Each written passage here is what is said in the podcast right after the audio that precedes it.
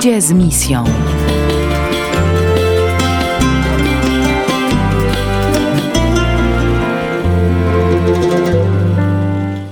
Dobry wieczór, to jest audycja Ludzie z misją.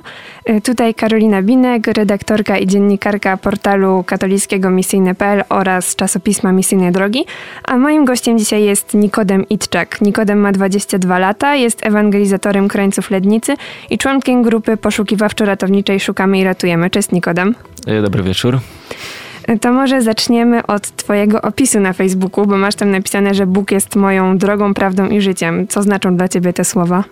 E, Te słowa znaczą dla mnie bardzo dużo, ponieważ e, wszystko to, co robię, e, wszystkie moje drogi, wszystkie moje słowa, staram się, aby były właśnie zakorzenione w Panu Bogu, aby to On był tym sterem, że tak powiem, aby przez Niego wszystko się właśnie działo.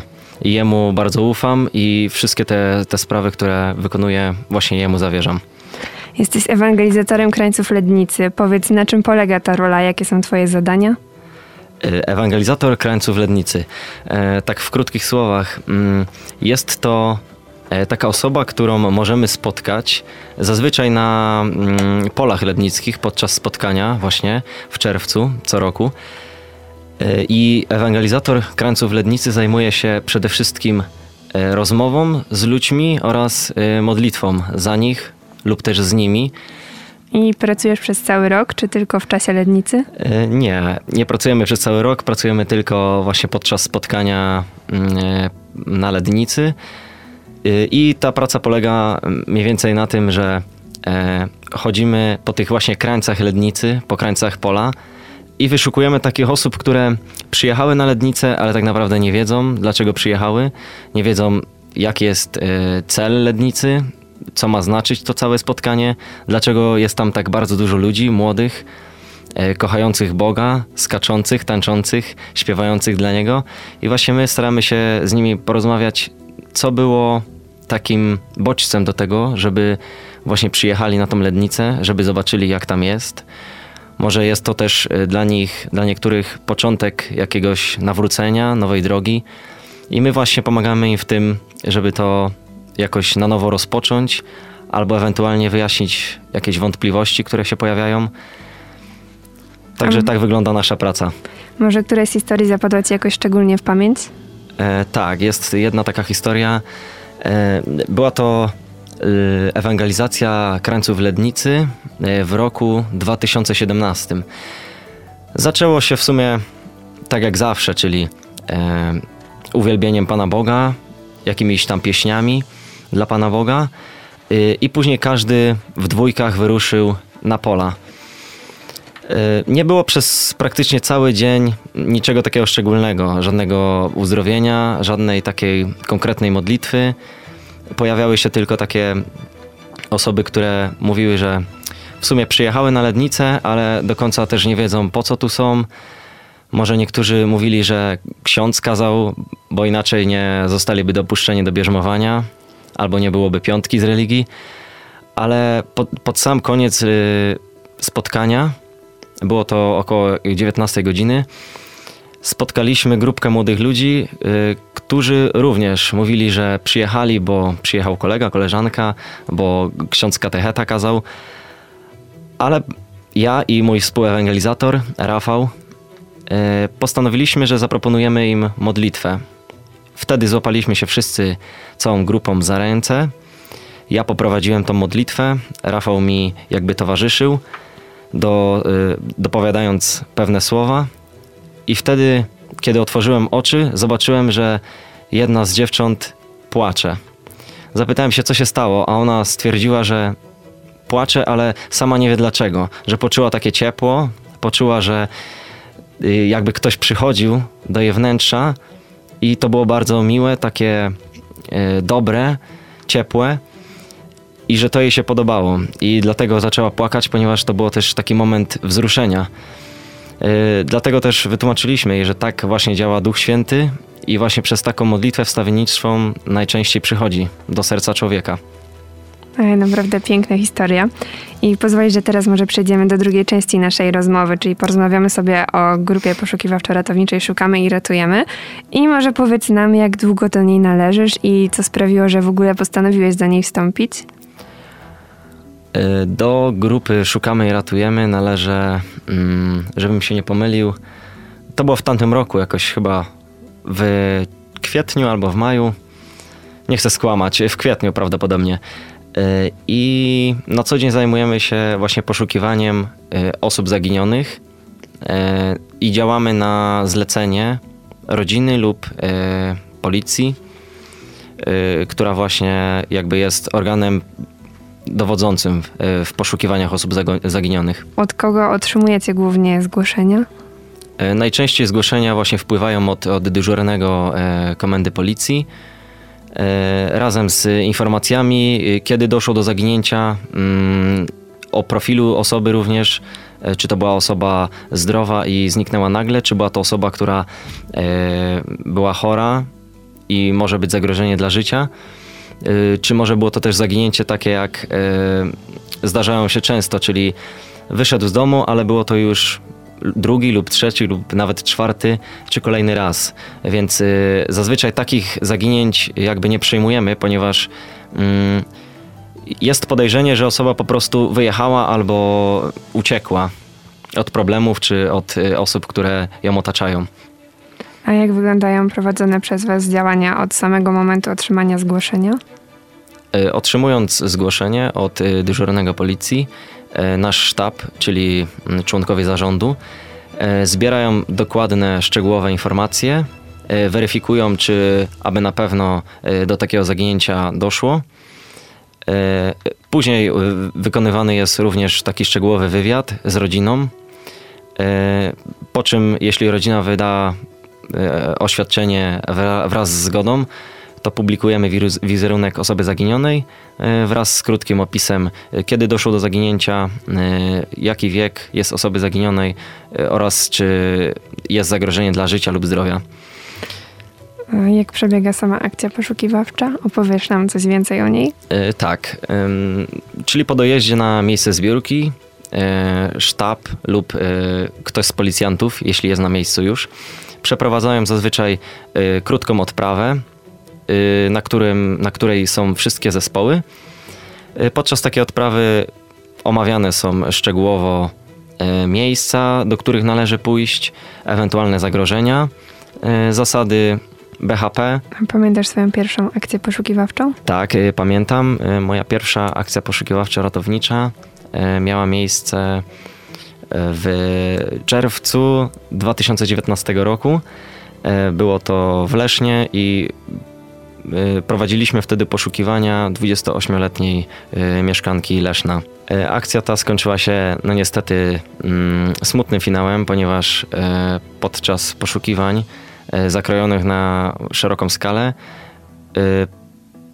jedna z grup ochotników odnalazła zwłoki kobiety. Mm, ta sytuacja bardzo zapadła ci w pamięć? E, tak, e, ponieważ była to też właśnie moja pierwsza mhm. akcja. E, bardzo, bardzo szczegółowo ją pamiętam od początku do końca. No myślę, że każde, każde odnalezienie ciała, czy też taki smutny finał zapada człowiekowi w pamięć i, i gdzieś tam jest też doświadczeniem na kolejne akcje, ale przede wszystkim no, pamiętamy o tym na pewno. I to są te najtrudniejsze momenty w Twojej pracy, kiedy musisz właśnie przekazać tą informację rodzinie, że ktoś nie żyje, czy są jeszcze jakieś trudniejsze dla Ciebie? E, tak, no są to myślę, że najtrudniejsze właśnie sytuacje, kiedy odnajdujemy to ciało. Jesteśmy jakby pierwszymi osobami, które wiedzą o śmierci tej osoby i później niestety musimy przekazać tą informację rodzinie, e, no, która naprawdę bardzo do samego końca wierzy w to, że osoba zaginiona się odnajdzie żywa, że jest bezpieczna, że gdzieś może się przebywa w jakimś bezpiecznym miejscu. I niestety jest to trudne, kiedy musimy powiedzieć, że robiliśmy wszystko, co w naszej mocy, ale nie udało się uratować tej osoby. Ty już przekazywałeś komuś informację o śmierci zaginionego? E, tak, miałem okazję nawet niedawno przekazywać e, informacje o tym, że właśnie zostało ujawnione ciało ojca oraz męża. Rozmawiasz z bliskimi o swoich akcjach? Y, tak. y, Po powrocie z każdej akcji poszukiwawczo-ratowniczej e, oczywiście rozmawiam z moimi bliskimi. Staram się nie rozmawiać tak bardzo szczegółowo z nimi o tym wszystkim, żeby też e, nie wnosić tego do życia prywatnego, ale też żeby nie rozpamiętywać tego wszystkiego, żeby coraz, żeby nie było to bardziej we mnie. Staram się po prostu tak porozmawiać ogólnie, ja- jak, jak wyglądała cała akcja i jaki był jej przebieg. To może wyobraźmy sobie taką sytuację, że jesteś po akcji, wracasz do domu i co robisz jako pierwsze, żeby właśnie tak sobie odpocząć, nie wiem, przestać myśleć o tym wszystkim? E, No na pewno e, pierwszą rzeczą, którą robię, to jest na pewno rozmowa z moimi rodzicami. Właśnie tak jak mówiłem o, o przebiegu całej akcji. E, Staram się też dużo spędzać czas z moim psem. E, Wyprowadzić go na spacer, pobawić się z nim, żeby też odciągnąć myśli od tego, e, co było. Również spędzam też czas z moją dziewczyną. E, Jeśli jest możliwość spotkania się, to jak najbardziej. A może jeszcze, bo nie zadałam w sumie na początku takiego pytania, jak to wygląda, że wy sami otrzymujecie to zgłoszenie jakiegoś SMS-a, wiadomość, ktoś do was dzwoni? E, Nasze stowarzyszenie posiada numer alarmowy, e, który jest dostępny przez 24 godziny 7 dni w tygodniu. E, I zawsze ratownik dyżurny obsługuje ten numer i odbiera zgłoszenie, czy to od rodziny, czy właśnie od policji, ponieważ policja ma ten numer. I właśnie poprzez, tak, poprzez ten numer zostajemy powiadomieni, uruchamiamy alarm i Dajemy też komunikat w naszej aplikacji, którą stworzył e, szef grupy poszukiwawczo-ratowniczej Błażej Busza, żeby też e, inne zespoły mogły zobaczyć, że będziemy prowadzić działania i ewentualnie nas wspomóc, jeśli jest taka możliwość. Może opowiesz coś więcej o tej aplikacji, jak ona działa? Ona została stworzona specjalnie dla was? E, Tak, e, aplikacja została stworzona właśnie specjalnie na potrzeby stowarzyszenia e, Szukamy i Ratujemy. Stworzył ją, tak jak mówiłem, Błażej Busza, szef grupy poszukiwawczo-ratowniczej. E, Aplikacja działa na zasadzie mm, tworzenia śladu każdego użytkownika, który zostaje na mapce i po którym również można zobaczyć, jaki obszar został sprawdzony, które miejsca są niedostępne dla człowieka co również też pomaga, żeby wyznaczyć na przykład dla drona miejsce Yy, i pomaga też sprawdzić, yy, jaki jest yy, szacowany zasięg wzroku za dnia i w nocy. A kto może wstąpić do waszej grupy? Do naszej grupy może wstąpić każdy, kto skończył 18 lat, jest pełnoletni, kto wyróżnia się dobrym zdrowiem psychicznym oraz fizycznym. Ktoś, kto nie boi się na pewno mm, poszukiwań nawet i cały dzień, i całą noc, e, stresu, obciążenia psychicznego e, i pracy podczas e, w ciężkich warunkach. Takie najdłuższe poszukiwania, ile trwały, takie, w których ty brałeś udział? E, Najdłuższe poszukiwania, w których ja brałem udział, trwały e, ponad 20 godzin. Myślę, że około 20, nawet do 24 dochodziły. Kiedy już się rozjeżdżaliśmy, to na pewno było 24 godziny około. Mm, To naprawdę bardzo, bardzo długo. A może powiesz, jakie błędy popełniają głównie ludzie, którzy właśnie zgłaszają zaginięcie swoich bliskich, o czym przede wszystkim powinni pamiętać? Na pewno krąży taki mit, y, że zaginięcie można zgłosić dopiero po 24, 48 albo nawet 72 godzinach od zniknięcia naszego bliskiego. Należy pamiętać, że zaginięcie można zgłosić od razu. Zwłaszcza jeśli jest podejrzenie, że osobie zaginionej y, coś zagraża, lub jeśli mamy podejrzenie, że osoba zaginiona może, może chcieć popełnić samobójstwo. A masz jeszcze jakieś inne zainteresowania, hobby poza tymi, o których teraz porozmawialiśmy? E, tak. e, interesuję się również Strażą Pożarną. Jestem członkiem Ochotniczej Straży Pożarnej. E, oraz tak e, hobbystycznie też e, ratownictwem medycznym, ponieważ jestem ratownikiem kwalifikowany pierwszej pomocy, więc to są takie jakby e, dwie główne moje pasje, ale również lubię uprawiać sport oraz słuchać dobrej muzyki. To te pasje też ci pewnie bardzo pomagają w pracy. E, Dokładnie, bo też można się podczas właśnie uprawiania sportu, czy też słuchania ulubionej muzyki troszeczkę zrelaksować, y, wyluzować i odpocząć od tego wszystkiego po akcji. A ty się przygotowywałeś też w jakiś specjalny sposób, żeby dostać się do grupy, czy właśnie wystarczyły ci te twoje kwalifikacje, które masz dzięki temu, że jesteś strażakiem i ratownikiem? E, kwalifikacje na pewno mi pomogły, ale mm, przez pierwsze kilka miesięcy przyglądałem się tylko tak, jakby byłem obserwatorem tego wszystkiego, e, jak to wygląda z takiej strony technicznej, e, jak wyglądają prowadzone działania oraz też jak wygląda planistyka, czyli planowanie poszukiwań, wyznaczanie sektorów, obszarów do sprawdzenia i tym podobnych. Może jeszcze dodajmy, bo zapomnieliśmy dodać, że grupa ma swoim, swoją siedzibę w Ostrowie Wielkopolskim, tak? Tak, zgadza się. I na jakim obszarze prowadzicie poszukiwania? Ile kilometrów to jest? Y, jest to w promieniu 130-140 kilometrów y, od właśnie Ostrowa. Ale zdarzają się również takie wyjazdy, y, zwłaszcza na prośbę rodziny lub też innych grup poszukiwawczo-ratowniczych, z którymi się przyjaźnimy, że wyjeżdżamy poza ten obszar. To gdzie najdalej byliście, jak ty jesteś w grupie od tego czasu? E, najdalej byliśmy w Wałbrzychu. O, to rzeczywiście daleko. I w takim razie ludzie z całej Polski mogą u was zgłaszać zaginięcie, czy właśnie tylko z tego obszaru? Zaginięcie mogą zgłosić e, z całej Polski, mhm. aczkolwiek no, my weryfikujemy to i właśnie podejmujemy decyzję, czy będziemy jechali, czy też przekazujemy mm, to zaginięcie do innej grupy, która jest bliżej i która może pomóc.